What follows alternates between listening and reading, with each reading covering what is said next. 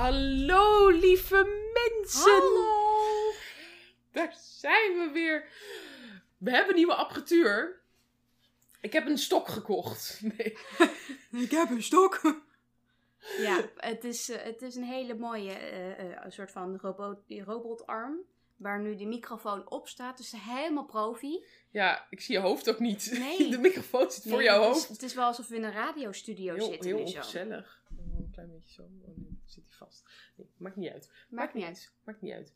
Nou, ehm, volgens mij hebben we het hier al heel veel vaker over gehad dat we dit een keer gingen doen.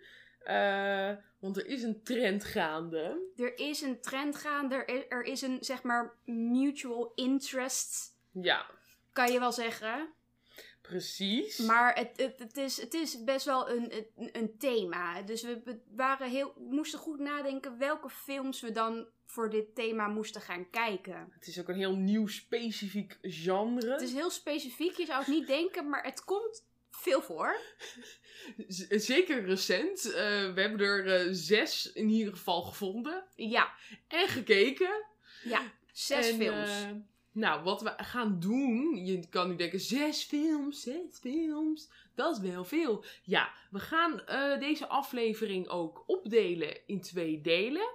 Dus in het eerste deel, die je nu beluistert, eh, gaan we de eerste drie films bespreken. En dat zijn The Handmaiden, The Favorite en Colette. ja. En dan in de tweede aflevering gaan we bespreken Portrait of a Lady on Fire, Ammonite en Carol. En nu zal je wel, denk ik, geraden hebben Wat het thema is wat van deze thema is. En het zijn lesbische period pieces. Oh. Nee, niet de homo's, alleen de lesbo's. Ja, weet je, alleen, alleen de vrouwen deze keer. Precies, de homo's krijgen een eigen aflevering, mogelijk. Mogelijk, wellicht. we Gaan we, niet. gaan we over nadenken. over nadenken. ja, dus, ehm, ja, dus deze zes films hebben we dan uitgekozen daarvoor. En eh, nou ja, soort van een beetje ingedeeld op basis van dat we denken drie, de drie die een beetje bij elkaar passen. Ehm, en we gaan dus beginnen met The Handmaiden, The Favorite en Colette. Ja. Had jij een van deze films nog niet gezien? Ehm, Colette volgens mij nog Colette niet. had ik nog nooit gezien, nee. Ik had er ook eigenlijk heel eerlijk gezegd niet over gehoord. Nee, het was ook een hele kleine film. Dat komt ook omdat ik, ik had hem toevallig in het filmhuis gezien. En daardoor daar moest ik eraan denken. Ik dacht, Ja. die past er ook bij. Ja, nee, ik, had, ik, ik wist niet van het bestaan van die film. Maar jij hebt ook een van deze films niet gezien. Nee, ik had de Handmaiden nog nooit gezien. Nou, dat is toch is wel iconisch dit. Er is gewoon een film die Laura niet heeft gezien. Ja, weet je wat het is? De Handmaiden is zo'n film. Die staat denk ik nu al... Nou, sinds die uitkwam, vier, vijf jaar al op mijn lijst. Maar elke keer denk ik, hm, hij is best lang. Hm, ik moet wel ondertitels lezen. Ja. Ik moet wel opletten. Dus ik moet wel in de- mijn opperste concentratie zijn. Beetje racistisch van je, maar maakt niet uit. Nee, maar kijk, ik, hey, Hey, hey. het is echt voor mij. Ik ben gewoon heel snel afgeleid. Ik ben vrij druk. Dus ik moet wel echt in een status zijn dat ik dat kan. Ja. Dus, want soms kijk je een film gewoon een beetje om half te kijken. Hè? Ja, het is misschien ook wel goed om uit te leggen dat het een Koreaanse film is, waar Ja. ze ook Japans in spreken. Ja. Dus ik snap, het is, het is wel echt even een heel ander soort film waar je naar kijkt. kijk, het is natuurlijk ook een hele. hele ehm, het is vrij lang en het plot is vrij. eh, nog redelijk gecompliceerd, zeg maar. Dus je moet wel echt de ondertitels lezen. Want anders Ja. mis je oprecht Ja. dingen. Dus, en dat vind ik zonde. En het liefst zou ik dan zo'n film in de bioscoop zien. Want dan krijg vind ik altijd, dan krijg je de volste ervaring. ja. Dan heb je ook geen afleiding, niks. Zit je lekker in het donker. Nee, maar dit soort dingen moet ik altijd wel echt. Maar dat heb ik sowieso wel met films die ik nog niet gezien heb. Wil ik gewoon in mijn opperste concentratie het kunnen kijken. En het kunnen ervaren. Zeker als je thuis zit, wat we nu allemaal zitten. Dan, dan ja. Kijk, het zal nooit een bioscoopervaring zijn. Maar je wil wel de concentratie hebben om er volledig naar te kijken. Dus dat was het voor mij. Ik kijk heel vaak internationale films hoor. Dat ook Febe. een grapje. Ik voel me aangevallen. Ja, maar het is gewoon wel grappig, want dit is letterlijk... eh, de, de ondertiteling was de reden waarom heel veel Academy-leden eh Parasite niet wouden kijken. Ja, Parasite heb ik in de bioscoop gezien. Dus dat was natuurlijk een Oh, dus dat was het. Dat Ja. was het. Ja, Nee, maar kijk, ja. 2016 was ik... eh, 17, 18 hè. Dus toen was ik nog niet in de... eh, Toen had ik nog geen patépas. Dus ik heb dat gemist. Ja, nee, ik heb hem ook niet toen gekeken. Maar ik, ik eh, heb natuurlijk een half jaar in Zuid-Korea gewoond. En de regisseur, Park Chan-wook, is wel gewoon wel echt een hele grote, grote Koreaanse... Deze- Deze eh, man ja. heeft Oldboy gemaakt. Ik bedoel, dat is zo'n beetje de meest bekende Koreaanse film die er is. Ja, dat, tot Parasite was dat de meest Ja. bekendste Koreaanse film ever. Daar hebben ze ook inderdaad nog geprobeerd een Amerikaanse remake van te maken. Maar dat is uiteraard niet gelukt. Ik, ik denk dat dit echt, als je nu een, een, een basic filmnerd vraagt van noem twee Koreaanse regisseurs, dan komen ze inderdaad met Chan Wook Park en met Bong Joon-ho. En dat Ja. is het. Nu het, weer- En dat ben ik. hè? Dat ben ik. Ik, heb verder, ik weet verder ook niks. Park is een achternaam. Dus Bong Ja. is ook de achternaam. Dus Bong Joon-ho en Park Chan-wook. Ja, maar op IMDb, ja, maar op. IMDb staat Chan Wook Park, dus dan moet doet IMDb het verkeerd. Nee, maar dat is gewoon de Amerikaanse industrie die niet snapt hoe Zuid-Koreaanse Nou, cultuur werkt. Park Chan-wook Ja, dus. eerst de achternaam, Ja. dan de voornaam. Ja, kut Amerikanen. Ja, dus ik ben je hier om te educaten. Precies. Ja, en eh, al deze films zijn echt uit recente jaren. Eh, volgens mij Ja. is de, de oudste die we hebben is uit 2015. En die komt in de volgende aflevering, dus Carol. Maar deze, deze reeks hebben we, nou, Handmaiden hebben we 2016. The Favorite en Colette komen allebei 2018. Ja, Super recent. Dus ja. dit is echt een super recent fenomeen. En daardoor komen er ook steeds meer, heb ik het idee. Ja. Maar het valt, het valt wel op dat het inderdaad, als het gaat om een lesbian love story, dat het al meteen ook een period piece is. Het is Ja, dat, is- moet hè, ja, jongens. Het moet wel tragisch eindigen. het moet wel tragisch zijn. Het kan niet natuurlijk in een happy ending eindigen. Nee dat, dat, nee, dat kan niet. Dat kan niet. Maar laten we dan beginnen over de, met de Handmaiden. Want wat ik dus juist zo leuk daaraan vond, is dat het niet een tragisch einde heeft. Als Ze- enige. Als enige eindigen ze samen. Ja, Dit is echt... Ja, het is echt de enige. de enige. Maar je denkt gedurende de film vier keer dat het niet goed gaat eindigen. Nee, nee. Oh, mijn telefoon staat nog aan. Ongelooflijk, Laura. eh, Niet te doen. Wat onprofessioneel. Ja, sorry. Spijt Geen podcast dit, hè? Godsamme. Nee, maar dat, dat is wel echt dat je denkt... Kijk, het ding is, als jij Oldboy hebt gezien... en je kijkt dan deze film... Je, soms denk je wel eens van... Hoe, dat zijn keuzes. Maar als je dan realiseert dat hij Oldboy heeft gemaakt... denk je, dat, ja, Ja, past in zijn straatje. dat past in zijn straatje. Ook twintig twists. Dan denk je dat het daarheen gaat, dan gaat het weer daarheen. En dan denk je dat daarheen, en dan gaat het weer daarheen. Denk- Ja, Ik dacht ook eerst van... Ik heb echt gewoon heel lang gedacht van... Ja, maar waar blijft het echt lesbische? Waar, wanneer? Hallo? Hallo? I was promised a gay story. ja. Weet je, maar het duurt even voordat het eindelijk erin komt, zeg maar. Ik dacht, misschien is het maar een heel klein onderdeel, maar nee. Nee. Ik krijg ook een hele... We hebben, we hebben onze portie grafische lesbische scènes ook gekregen. Ja. Lesbische seksscènes. Nou, kijk, weet je wat het ding is? Eh, ik vond het wel grappig. Jij begon over Ammonite. Die zit in de volgende aflevering. Ja. En jij zei, hoe, die is heel grafisch. En ik wist in mijn hoofd, de Handmaiden, het kan niet grafischer Nee, dan de Handmaiden. nee, ik wist dat in de handmade hele grafische seksscènes zat. Want ik heb er wel eens een podcast over geluisterd. Dus ik wist dat, er, dat, het, dat het zou komen. Het is Ik heel op- grafisch. Ik zat er ook op te wachten. Ik dacht, het, het gaat komen volgens Het mij. ga, ja, het is, het is echt wel, Maar, spoiler alert, heel grafisch. maar ik dacht dus dat het heteroseks zou zijn. Hmm, Dus ik dacht dat het de andere kant op ging. nou, surprise. Nee hoor. Nee hoor. Full on sissering in beeld. Wide shot. Ja. Point of view. Boy, Point of view voor de poesie. ik ben... Ja, maar mensen... Oké, ik moet wel even een beeld schetsen hier hoor. We krijgen op een gegeven moment een shot. En Fabi zegt POV. Point of view. Vanuit de poesie. Het gezicht van degene. En dan, en dan steekt ze op een gegeven moment ook de tong uit. Steeds mijn tong uit. En dan denk ik, wat wie de fuck bedenkt nou? Dat dat een goed shot is. Dan ga ik toch zeggen. Nee, nee. jongens. De male gaze is cancelled. Het kan toch niet? Het was... Ja, kijk, je denkt inderdaad... oh, wat gebeurt er nu? Maar als je dat shot ziet, dan, dan, dan denk je, wat Dat is echt... Vind ik erger dan White Shots. Het was echt, dat, dat was hem. Dat was het toppunt. Dus een POV vanuit de benen. Ja, Dat, Ja. wauw. ja. Nu wordt deze hele aflevering natuurlijk gewoon meteen verwijderd. Maar dat maakt niet uit.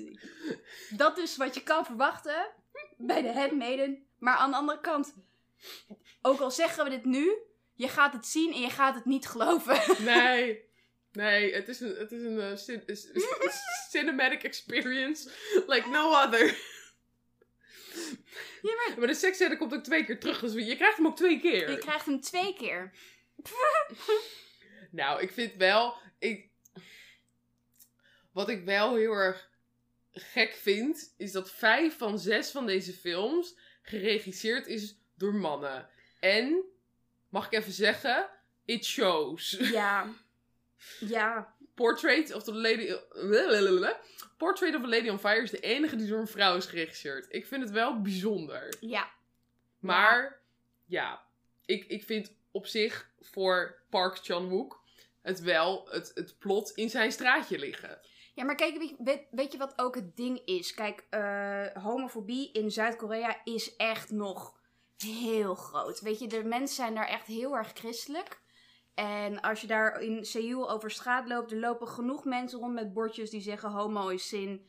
En eh, daar geloven ze ook echt in. Dus dat is wel dat je denkt, het feit dat hij dat wel gewoon toelicht in zijn film, weet je, als groot regisseur, daar heb ik wel respect voor. En ik heb ook uiteindelijk gelezen dat die hele grafische scènes ook naast hem met een alleen maar full female cast eh, en crew zijn gedraaid. Dus er waren geen mannelijke crewleden aanwezig tijdens die scènes.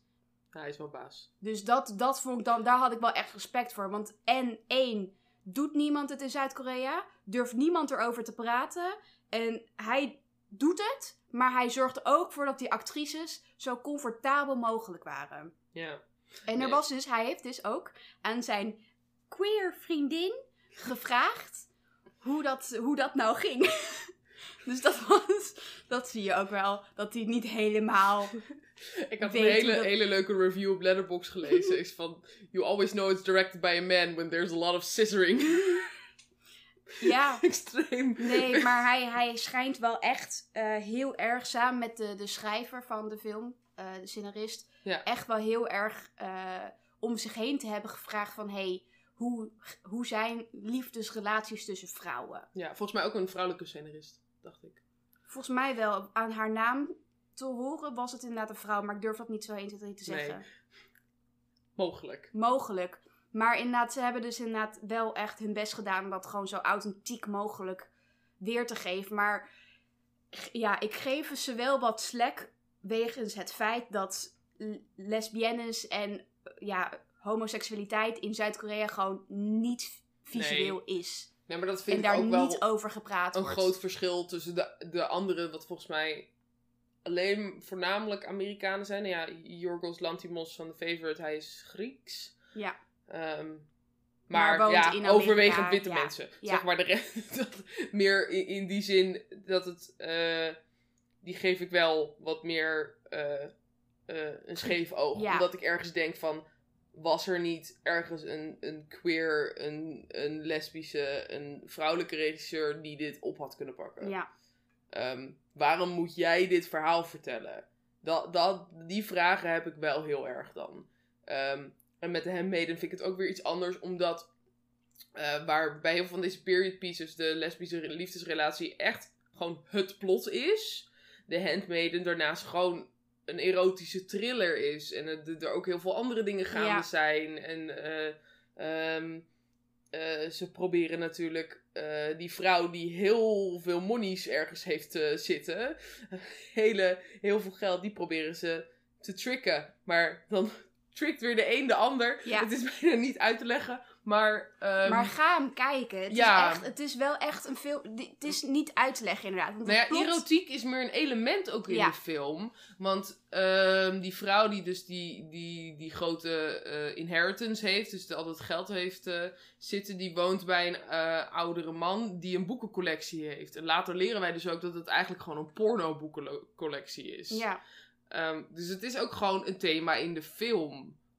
En die, die man heeft letterlijk een octopus in zijn basement. ja, Dus ja. het is heel erg het, thema van, van ja, nou ja, hentai en, en, en, en eh, porno en erotiek is er gewoon.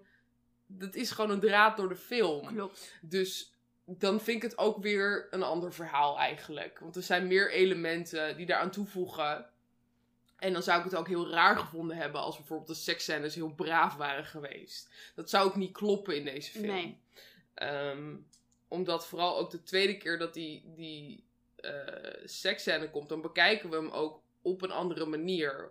Want de eerste keer eh, weten we nog niet eh, wie aan welke kant staat, zeg Ja. maar.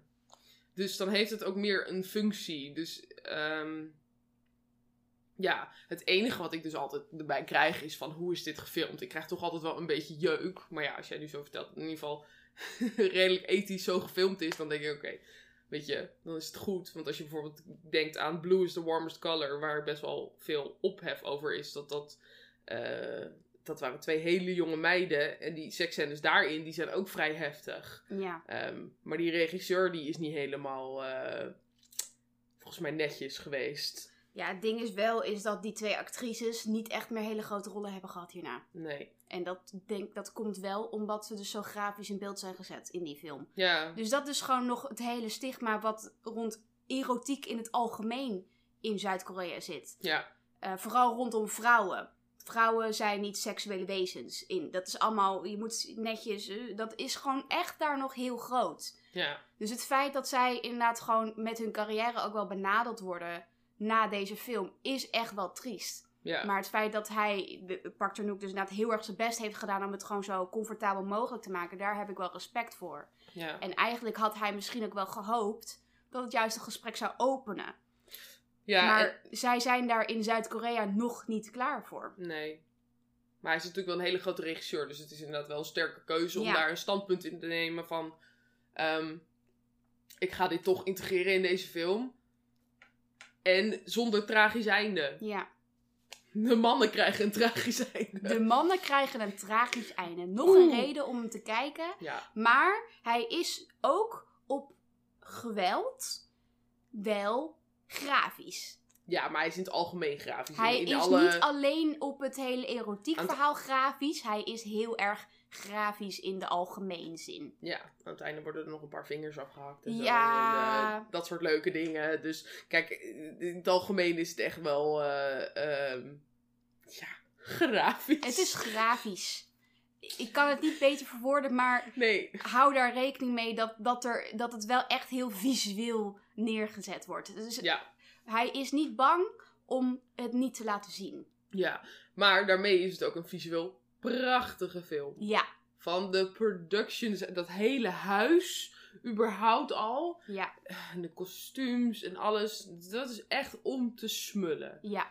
Dat is echt prachtig om naar te kijken. Zelfs als je eh, eh, het zonder ondertiteling zou kijken, zou het echt, denk ik dat je ook nog heel veel mee zou krijgen. En dat het echt nog wel een prachtige film is om naar te kijken. Ja, maar daar, dat, is, dat vind ik persoonlijk ook altijd het mooie van eh, ja, Koreaanse films. Vooral van die grote regisseurs als Bong Joon-ho en Park Chan-wook. Is, het is gewoon visueel zo sereen en kalm. Ja, Dat je er je kan overal naar kijken. Overal gebeurt wel iets.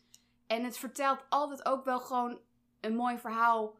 Los van het verhaal, zeg maar. ja, Dus nu speelt het zich inderdaad af in de tijd dat Japan eh, ja, Zuid-Korea over had genomen. En dat ze dus een beetje Japanners en Zuid-Koreanen door elkaar een beetje heen leefden. Maar ook eh, historisch gezien is het natuurlijk ook wel waar dat jonge Koreaanse meisjes inderdaad vaak de handmaiden werden van de Japanners. Of inderdaad ja, toch wel misbruikt werden. Dus hij vertelt ook gewoon een historisch belangrijk verhaal. Ja. Want Japan ontkent dat nog steeds tot de dag van vandaag.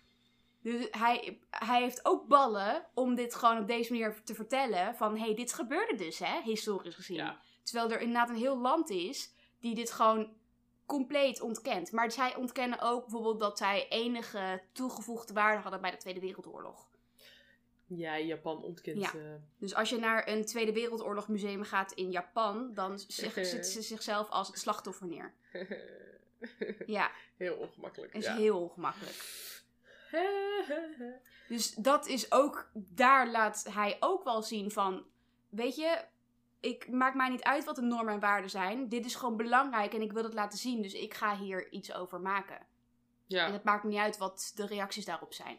Nee, want de film gaat natuurlijk ergens ook wel over macht.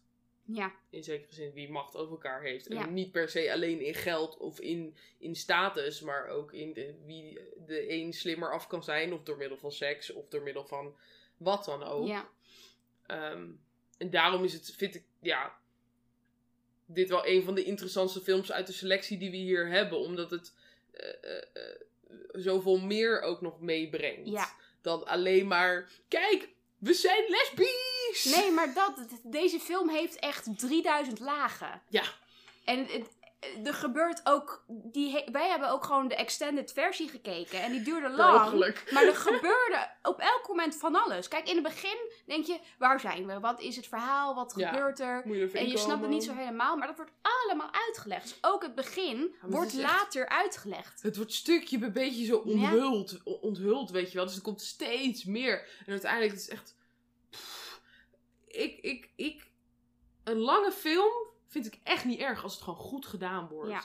Ik vond het echt niet erg om hier twee uur en drie kwartier voor te zitten. Nee, Echt niet. Want het wordt zo vaak zoveel onthuld. En ook eh, niet dat je denkt oh, van, oh, dat wist ik al of dat had ik al door. Maar ook echt gewoon tot je eigen verrassing. En ik denk ja, dat. dat dit, dit een film is die je ook nog meerdere keren kan kijken en elke keer wat nieuws uit kan halen. Ja. En, weer, eh, en dat je ook gaat zien dat als je nu al weet hoe het eindigt, dat je ehm, dingen in het begin gaat zien die je eerst niet hebt gezien. Ja, En daarom ik precies, want dit is een film die zou ik zo graag gewoon nog een keer kijken. En die kan ik nog een keer, die kan ik een jaar later nog een keer kijken. En dan haal ik er weer wat nieuws uit. Dat is natuurlijk ook heel waardevol voor een film. Dat, die, dat er zoveel in zit. Ja. Dat je niet na één keer klaar bent. ja, maar ook op het moment dat je op een gegeven moment denkt van, oké, eh, waar gaan we naartoe? Dan opeens is er dan weer een plot twist. En je denkt van, huh? Huh? Wat? Huh? Ja. En dan zit je er weer compleet in. Dus je wordt soms, op het moment dat inderdaad het plot een beetje stabiel is, Ja. word je er weer in teruggezogen. Dus dat, dat is, het heeft echt heel veel laagjes. En ik vind gewoon bijna zonde dat mensen deze film niet kennen. Want het is Ja. echt een meesterwerk. ja, Het is echt. echt een meesterwerk. Volgens mij is die ook echt ontiegelijk gerobbed bij de Oscars, meen ik me te herinneren. Maar dat weet ik Ja, niet meer. volgens mij 2016 wel. hè. Toen was het nog niet echt... Vinden we lastig, hè? Om Is- vinden we lastig, lezen, ja. lezen. is moeilijk. Dat konden ze pas vorig jaar. Net. Na Net. veel kritiek. Nu, nu ietsje meer. Ja, Minari is ook nog Mm. steeds dat ze denken... eh, weet je, Minari ook, spreken ze Koreaans in, maar is in Amerika geproduceerd, maar wordt ook als een foreign film gelist. Denk ik, ja, sorry, maar wat, ja, Ja. Portrait of a Lady on Fire doen we ook niks mee. nee. Dat was, eh, we hebben het nu niet over Portrait, dat is de volgende aflevering. Nee, dat ga ik dan de volgende aflevering. Oké. To be continued. To be continued. Nee, maar het ding is, het- ik, dit is zo'n ontzettend bijzondere film die je gewoon echt zelf moet zien. En ik wil ook eigenlijk zeggen, als je dit luistert, ga hem kijken en laat ons weten wat jij hiervan vond. Het is namelijk echt wel een ervaring. Het is echt een ervaring.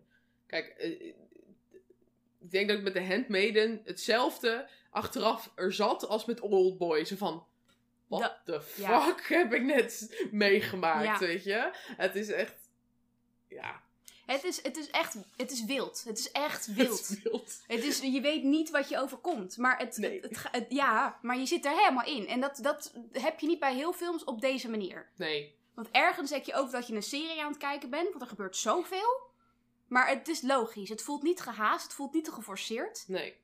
Het is wel heel grafisch, maar dat is het, ja, ik snap het wel. Maar dat is gewoon hoe hij is als regisseur. Ja. Oldboy, Oldboy is ook grafisch trouwens. Als ik nu terugdenk, Oldboy heeft volgens mij ook best wel grafisch. Een soort Ja. seksscène en, en eh, geweld Oldboy en weet is ook allemaal. heel grafisch en heel fokt op op sommige momenten. Maar dat verklaart ook The Handmaiden. Ja.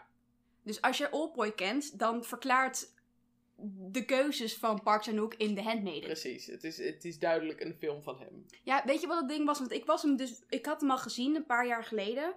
En ik was hem nu weer aan het kijken. En ik dacht, in, op een gegeven moment was, ik weer, was het weer die seksscènes kwamen aan. Het is echt grafisch. En toen ging ik dus op IMDb kijken. Er stond er een Park Chan-wook bij. Ik oh, oh ja, ja nu, snap ik het. Maar puur omdat Oldboy dus ook gewoon, dat, hij heeft gewoon, dat is gewoon zijn manier van het verhaal vertellen of zo. Hij houdt daarvan. Hij houdt van dat grafische en het shocking en... Het is gewoon stilistische. eh, eh, Ja. ja, stilistisch heftigheid.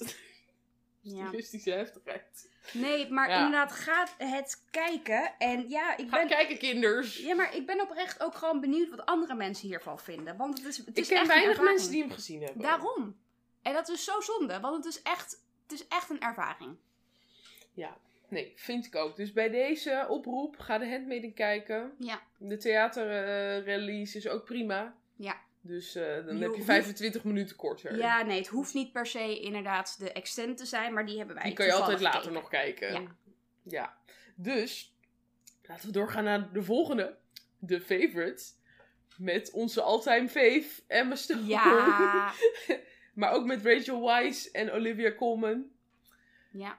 Dit is ook een bijzondere film. Het, het- ik, dit, ik vind het wel grappig, want ergens kan je dus de Handmaiden en eh, de Favorite vergelijken met elkaar. Omdat het inderdaad gewoon om de ja, rang onder liefdesrelatie, connecties, achtig Ma- highlights. Machtsstrijd door Macht- middel van seks. Maar dan met vrouwen. Ja, Maar dan met vrouwen. Bijzonder. Houden we van. Ja, houden we van. Vinden we niet erg. Nee, Eh, Dus, is dus eh, ook een terugkomend thema.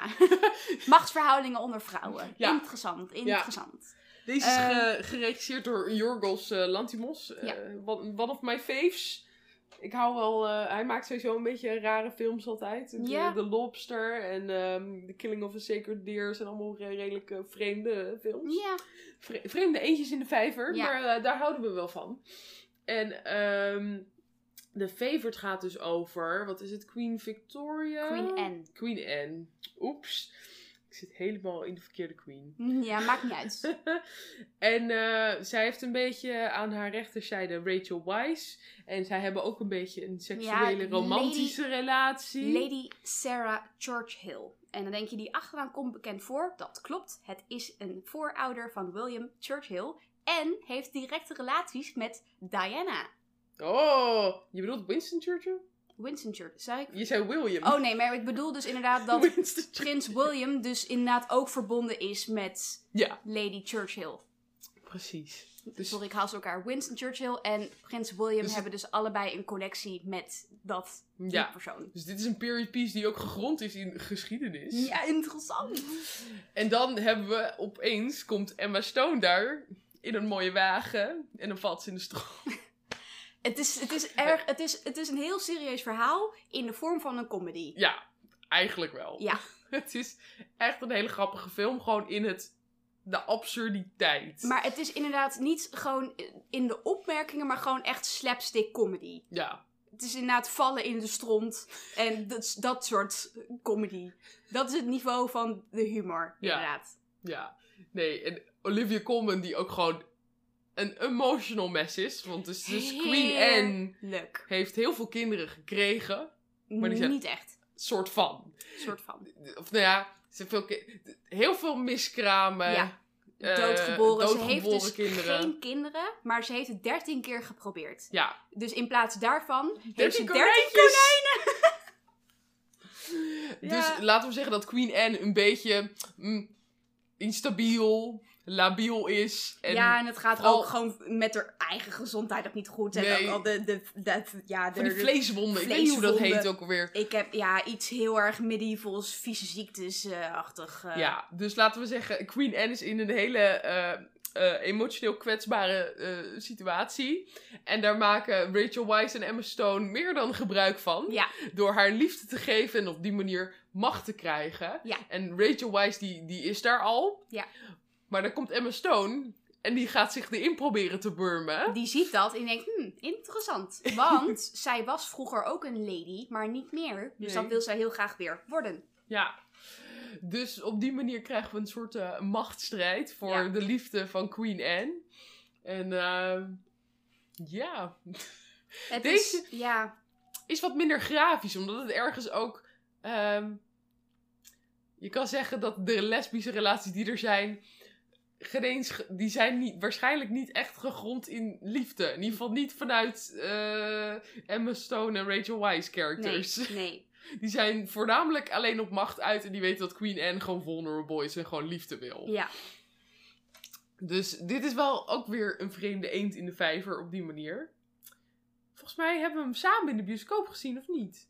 nee. Nee. Ik heb, nee, ik zat in Zuid-Korea toen hij uitkwam. Oh ja, dat was met iemand anders. dan. Maar, ehm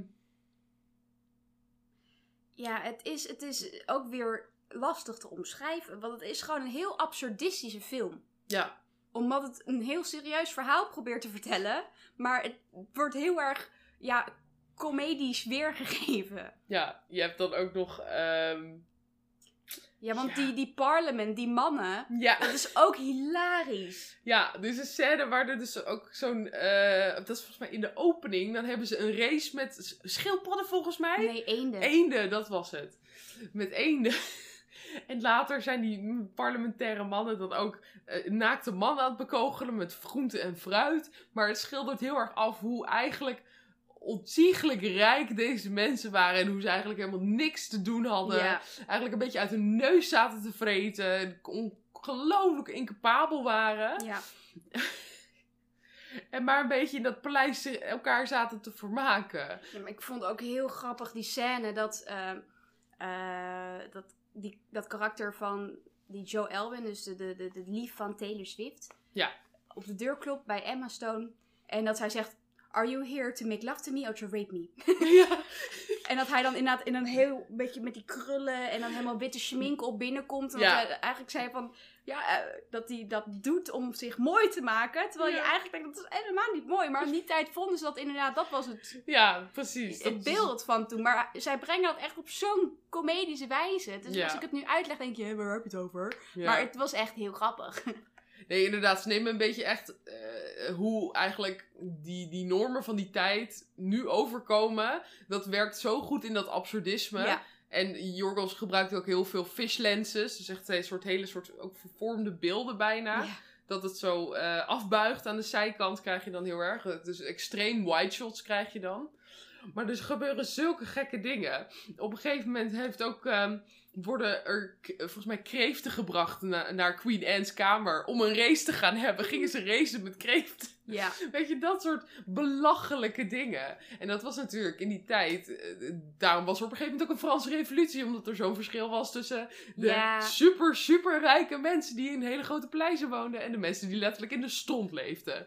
Dus dat, Ja. dat nemen ze wel mooi mee, heel erg. Ja, nee, en dus inderdaad, eh, in het begin, eh, Rachel Weisz, die dus eh, Lady Sarah Churchill speelt, Ja. die voert letterlijk de oorlog namens Queen Anne. Ja, Namens haar. Die ligt daar half dood op dat bed. Die, dat plattegrond ligt op haar buik, terwijl ze daar half stervend ligt. ja. En zij zijn een hele oorlog aan het bespreken en wat hun volgende stappen zijn. Eigenlijk doet Queen Anne niet zoveel. Nee, Nee, andere maar mensen... ze heeft inderdaad woordvoerders. En de, de mannen moeten dus eigenlijk haar over zien te halen om naar hun te luisteren. Maar aangezien die vrouwen heel goed doorhebben wat die Queen Anne nou eigenlijk wil, Ja, lukt dat ze niet. Dus Nee. moeten ze allemaal naar de, de meiden luisteren.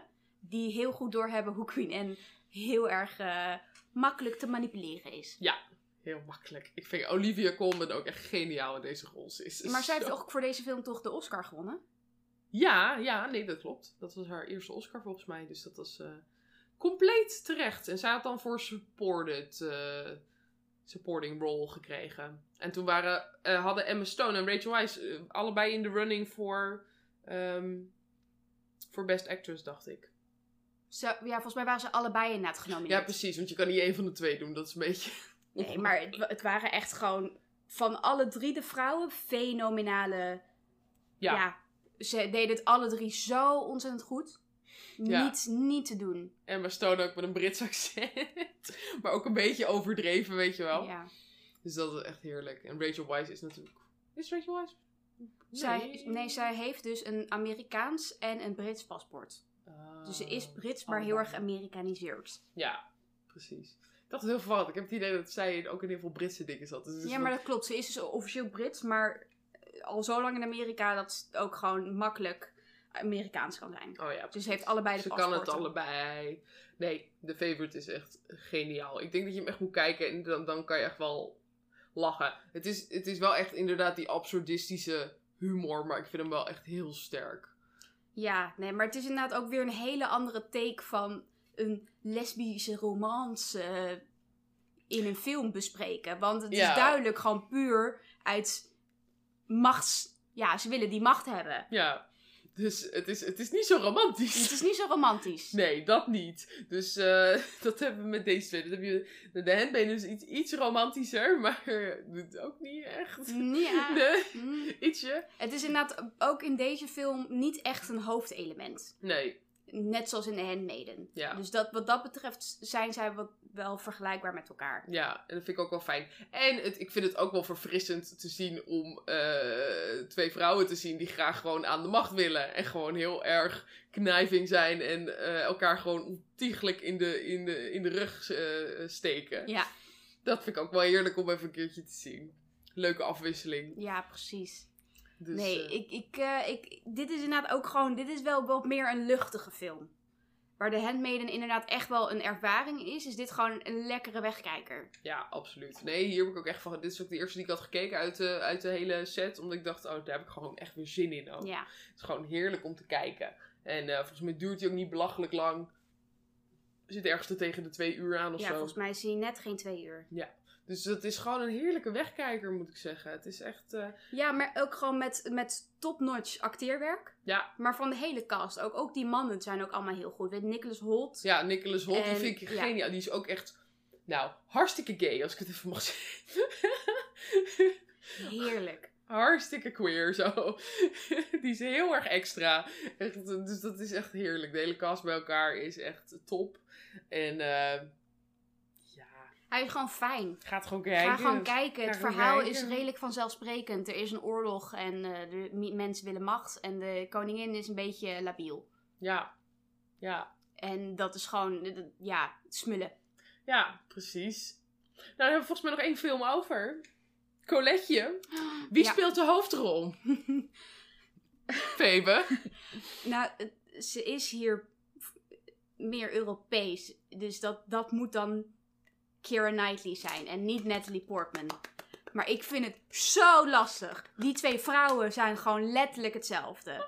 Maar ik, als je had gezegd dat het Natalie Portman was, had ik je ook Ik geloofd. zie het niet meer dat ze hetzelfde zijn. Want ik heel duidelijk zie, Keira Knightley heeft dus een ander, ander gebit. En Natalie Portman heeft een moedervlek ergens op haar gezicht. Nee, ik vind het echt dezelfde vrouwen. En Natalie Portman heeft een iets zachter bone structure, zeg maar.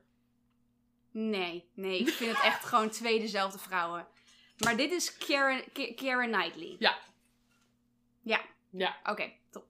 Nee, dit is Keira Knightley. Oké, mooi. Ik dacht, ik ga even testen of, of het goed is gegaan. Ja, nou lastig hoor. Ik- Ja. kijk, dit is inderdaad meer een Europese film ook. Dus dan gok ik ook gewoon meer dat, inderdaad meer dat ze dan richting Keira Knightley gaan. Dan is het meer een Amerikaniseerde film, Ja. een verhaal was. Dan had ik me meer richting Natalie Portman gegaan. Nee, precies. Nee, Colette is inderdaad eh, gebaseerd op... eh, nou ja, het is eigenlijk een soort... eh, Waar gebeurt het ook weer? Het is een biografisch verhaal van een eh, Franse schrijfster. Ehm, ja, en we beginnen eigenlijk bij het begin waar ze echt een heel jong meisje is. Trouwens, Keira Knightley is al fucking 30 hier of zo. Dus ze kan gewoon door voor een 18-jarige. Nou, nee. soort van. Nee, ging niet. Nou, wel 20. Ja, maar wel, het was wel een beetje awkward. nou, ze hebben wel heel erg hun best gedaan met die vlechtjes. Ja, Ze hebben die hele lange pigtails, wel, die ja. vlechtjes die je denkt, oeh, En dan zo'n heel erg bescheiden jurkje met een Ja. eentonig kleurtje. beetje hoog stemmetje. Oh, ja. mm. Nee, maar ze kan wel heel goed nog voor een 20 in de mid 20 door. Ik bedoel, ze ziet er wel gewoon hartstikke jong uit. Ik bedoel, ja, Hollywood hè, maar Ja, maar op zich hadden ze wel een andere actrice kunnen casten voor dat rolletje. ja, Keira Knightley, period piece. Keira Knightley kan ook wel lekker een beetje androgyn kan ze wel hebben, zeg maar. Ja. Dat is wel makkelijk. Dus, eh, maar ja, Colette is dus, eh, dat gaat over die, die schrijfster. En het is echt het be- beginnen bij het begin, waar ze zeg maar een, jo- een jonge vrouw is van bijna 18 of zo. En eh, nou ja, ze moet natuurlijk eh, gehuwd worden aan een of andere vent. Ja, dus ze was waarschijnlijk 14 of zo. In die tijd. Nou, volgens mij was ze 17, 18 of zoiets. Maar inderdaad, nou ja, en dan gaat ze trouwen met een of andere vent, die, die een, een, een vriend van haar vader, die natuurlijk twee keer zo oud is. Ja. Ehm, en dan verhu- verhuizen ze van het platteland naar het drukke Parijs met die vent. En het is echt een, eh, een klootzak. Ja, Hij krijgt ook echt geen redeeming momenten. nee. Totaal niet. Nee. Hij is echt een, een zelfingenomen lul. Ergens Hij gaat probeer- vreemd. Ja, nee. Ergens probeerde de regisseur hem nog een beetje eh, zo... Sympathetic te maken. Ja, sympathetic. En van ja, en eh, zij mag al heel veel vrijheid had ze. Dat natuurlijk heel uitzonderlijk was voor die tijd. Ja, maar nee, inderdaad. het is gewoon een klootzak. Nee. Maar ja, op een gegeven moment, het is natuurlijk in die tijd, kan je niet, ga je niet zomaar scheiden. Nee. Dat gebeurt niet zomaar. Dus het, het, het, het volgt eigenlijk eerst heel erg hun relatie. Ehm, en op een gegeven moment zie je dat Colette zeg maar, zich meer gaat ontwikkelen als persoon. Want ze wordt natuurlijk ouder en volwassener. En ze Ja. ontmoet mensen ehm, die wat meer in de... Ja, wat meer freaks zijn. Of wat meer buiten de, de algemene... ehm, Ja, weet je, Parijs, hè, dat was Ja, allemaal heel erg open en De stad. vrijheid en zo. Ja, ja, maar een beetje dat inderdaad. Inderdaad, meer mensen die... in- Dat, ze gaat een beetje zichzelf leren kennen. En ze gaat een beetje, naast het feit dat zij een vrouw van is, gaat ze ontwikkelen. Maar wat vind ik nou leuk? Ja. Waar hou ik nou van? En dat, ja, dan ontwikkelt ze zich eigenlijk met, ja... Hoi, ze vindt hem wel aardig. Ze is wel dol op Willy, die, haar man. Ze is wel dol op hem. Niet gewoon zo Ze is- hebben wel iets. Het is niet een soort... Ze zijn niet uitgehuwd of zo. Nee, maar het is wel zo. Hij heeft letterlijk meerdere keren is die vreemd gaan en zeggen ja, dat is gewoon wat mannen doen, zeg maar. Dat is een beetje. Ja. Maar Dat zij. natuurlijk wel een beetje de mentaliteit. Mm, ja, mm, maar Nee. inderdaad, zij, Maar zij heeft- pikt het gewoon niet. zij- Nee, op een gegeven moment niet meer. Maar aan de andere kant ook wel weer wel. Ja, maar daarin inderdaad, het, het- het- deze gaat echt iets meer met de focus van hoe zij zich ontwikkelt. En eigenlijk meer een soort coming of age. In de Ja. zin van dat ze een volwassen vrouw wordt op een gegeven moment. Of nou ja, vrouw, dat weten we geen eens eigenlijk. Want op een gegeven moment is ze gewoon hartstikke queer. Dus wie Ja. weet, als ze nu in de moderne tijd had geleefd, was ze gewoon, gewoon een non-binary queen. Of, eh, ik denk het wel ergens. Je? Want inderdaad, in die tijd, want op een gegeven moment gaat zij ook mannenkleding dragen. Ja, In die tijd was dat gewoon illegaal, hè? ja, Dus dat, dat, daar had ze gewoon voor ja, in de gevangenis terecht kunnen komen. precies. En toch deed ze dat. Dus ergens denk ik inderdaad in deze tijd dat ze inderdaad meer richting non-binair zou gaan. Ja, dus het is. eh, want op een gegeven moment knipt ze ook de haar af. Mhm. Maar dan voor haar man eigenlijk. Omdat. eh, eh, dit is ook weer. Dat is ook een andere trope waar we ook wat meer films van hebben gekregen. Maar zij is dus ook schrijfster. Maar zij schrijft onder haar mansnaam. Ja, Dus haar boeken worden uitgegeven onder haar mansnaam. Dus ze krijgt geen van de credit. Ook al dat iedereen die twee keer kan kijken. En een keer met haar gesproken heeft. 1 plus 1 kan doen en zeggen. Ja, no way dat meneer Willy dit hele mooie. Ja, vrouwelijke verhaal heeft geschreven. Want ze worden ook gezegd, het is te vrouwelijk. Ja. meer spanning nodig. Uh. Terwijl het een mega succes is bij allemaal meisjes. En op een gegeven moment wordt er een theaterstuk van gemaakt, et cetera, et cetera. Maar, ehm, en op een gegeven moment ontmoet ze dus ook eh, iemand die, eh, nou ja, laten we zeggen non-binair is. Dat, die taal hadden ze natuurlijk toen niet. Maar eh, iemand die alleen maar pakken draagt. Mhm. Eh, en eigenlijk dus een, een, een dochter volgens mij van een rijke Russische man is of zo. ja zoiets. Zoiets. Eh, en daardoor kan zij gewoon pakken dragen. Ehm, en hun krijgen ook een relatie met elkaar. En op een gegeven moment krijgt Willy, vindt Willy een nieuwe 18-jarige scharrel. Ja, Dus op een gegeven moment groeien ze ook een beetje uit elkaar. Dus in deze zin, deze film is wel heel queer, omdat onze main character best wel queer is. Ehm, maar het gaat ook heel erg gewoon over eh, eh, hun relatie met haar man. En, eh, het blijft tragisch. Het moet wel tragisch blijven, hè? Ja, Het kan niet allemaal heel gezellig zijn. nee, dat was het toen ook niet. Nee. Dus dat, dus inderdaad, het blijft inderdaad het hele seksisme eh, blijft wel heel erg sterk aanwezig gedurende die hele film. Ja, volgens mij is het gaan, pas, aan het einde van de, pas aan het einde van de film zegt ze, ik ben klaar met je dag, doei eh, dikke lul. Ja, En dat is wanneer hij eh, de rechten van haar boek heeft verkocht. Omdat hij geen geld meer heeft. Omdat hij al zijn geld vergokt. ja. En weggeeft aan de hoeren en eh et cetera. Dus eh, en dan gaat ze haar eigen leven leiden. En dan gaat ze gewoon op tour met een theater. Met, eh met haar... met haar, eh, Met haar B. met haar B, ja, ik zal ik was even zoeken. Met haar B, ja, B is goed.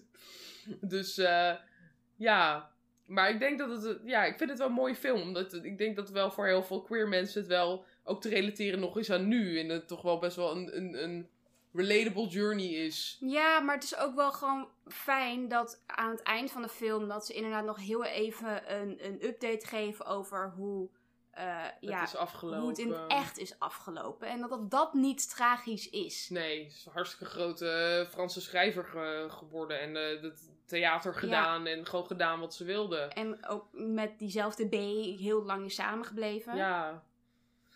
Ja, mensen. Vroeger waren er ook gewoon queer mensen. Je- Shocking. Shocking. Nieuws, nieuws. Nieuws. Ja, dat vind ik ja. wel. Wat deze films in ieder geval even mensen laten weten. Is van, hallo, dit is niet iets van nu. Mensen waren vroeger ook zo. Maar je, Ja. mensen waren repressed.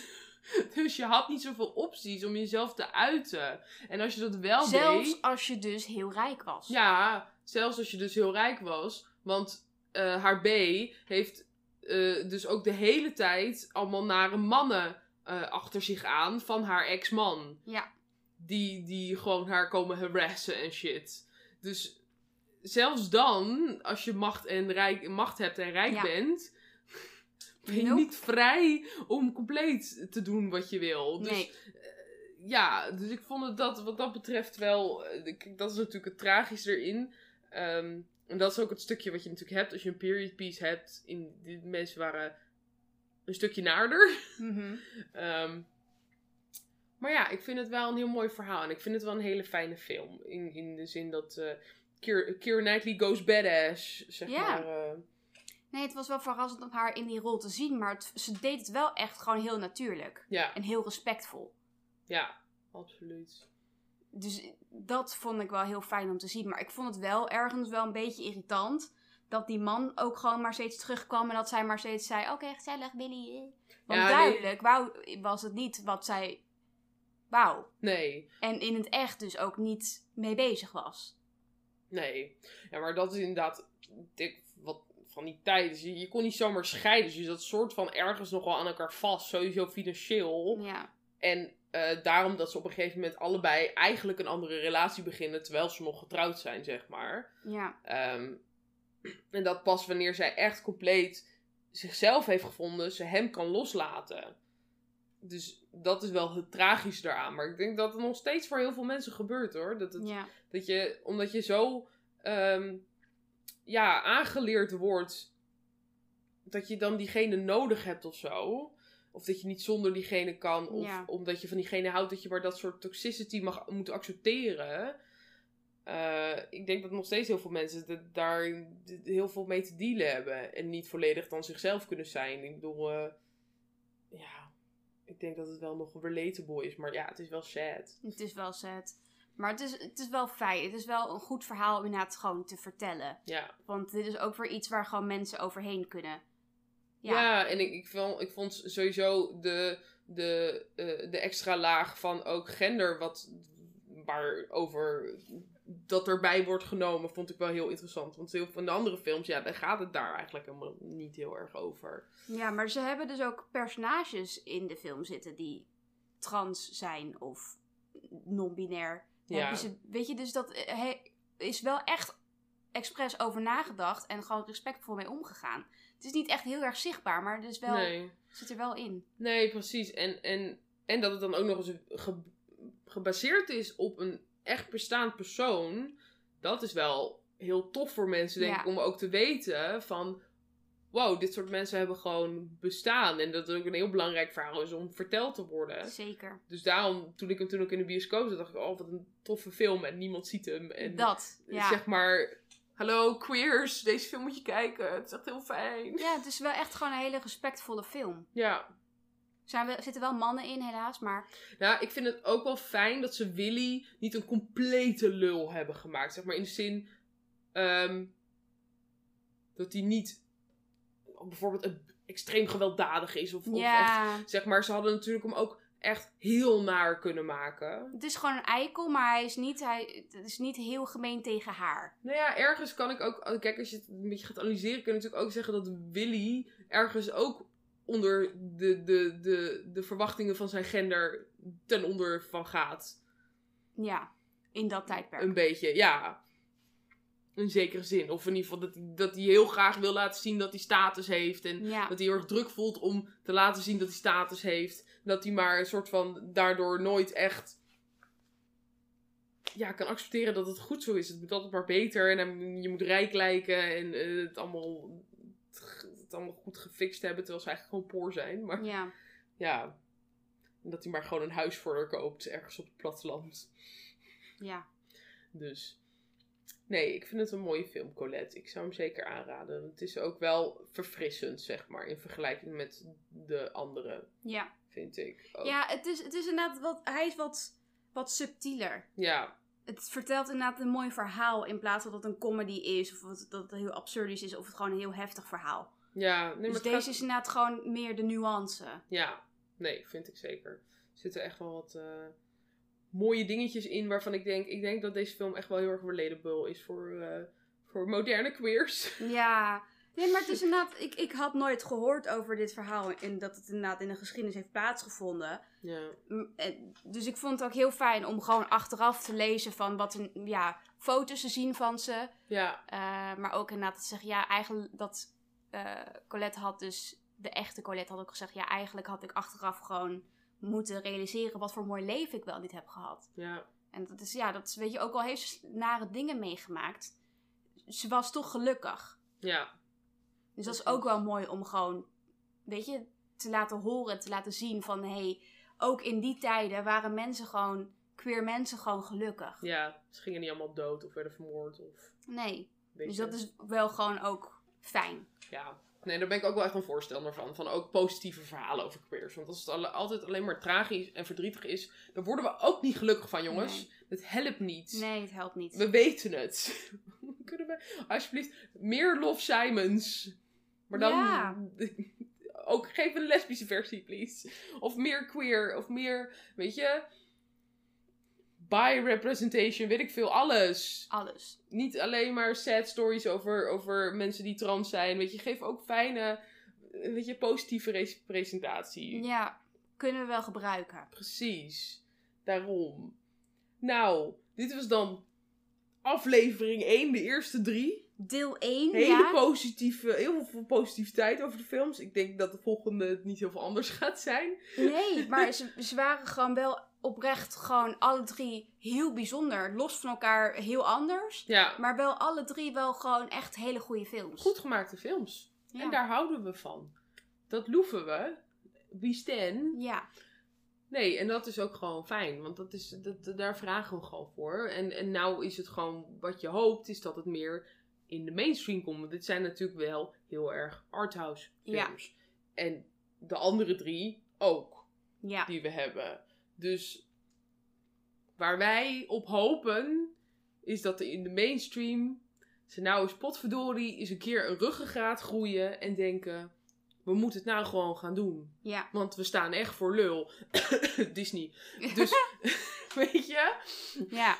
het is gewoon tragisch dat het enige waar je terecht kan is indie films. En Mhm. daar is Love Simon echt een, een, een kleine doorbraak geweest.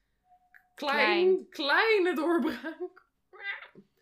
En wat we ook zien is ook, als we straks in de tweede aflevering, daar zullen we het ook vast wel wat verder over hebben, is hoe overwegend wit de representatie is. Ja. Ja. En kijk, natuurlijk, The Handmaiden is een Koreaanse film. Dus dat zou een beetje gek zijn als er witte mensen in zouden zitten. Maar ja, dit is wel de realiteit. En ook alle andere eh, gay films, LGBT films waar we naar gekeken hebben, die we mogelijk zouden kunnen bespreken. Allemaal overwegend wit. En dat is wel een ding dat ik denk, jammer. jammer. Ik denk, kijk, in de, de, ik snap, het ding is, ze kiezen gewoon steeds voor die period pieces. En dan kan je het argument gebruiken. Ja, maar in dat tijdperk hadden alleen witte mensen deze stand. Ja. En dat kan je zeggen, maar waarom dan steeds alleen dat tijdperk Ja, uitzoeken? je kan ook gewoon een modernere film maken. Of je kan zoals films als, eh, wat was het? Ehm, The Life of David Copperfield of zo.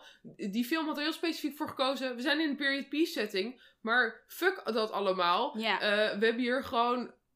We, we, doen... eh, Die hebben ervoor gekozen om zeg maar blind casting te doen ja, colorblind casting. En daar kan je ook weer kritiek op hebben. Maar kijk, er zijn meer opties dan alleen eh, vastklampen aan. eh, ja, maar nee, maar alleen maar witte mensen, dus het kan niet. Dus het kan niet. Dus het kan niet. Ja, ja. maar je, Er zijn genoeg verhalen om te vertellen. laat dat dan het- ook ja. andere mensen die verhalen vertellen. Mhm. Andere screenwriters, andere regisseurs. Er is genoeg. Nee, precies. Maar ja, ga Dus. deze drie films alvast even kijken. Ja, Zeker aanraders. nou, bedankt voor het luisteren weer. En eh, hopelijk heb je ervan genoten. En hopelijk ga je deze films ook kijken. En eh, nou, mocht jij nog een, eh, een, een film hebben waarvan je denkt, die hebben jullie gemist binnen dit genre. Of misschien eentje die geen witte mensen heeft, die in dit genre valt. Dan horen wij dat heel graag. Ja, Dus weet je, la- laat het ons vooral weten. En eh, nou, bedankt voor het luisteren. En tot de volgende yes. keer maar weer. Doei. Dag. Dag.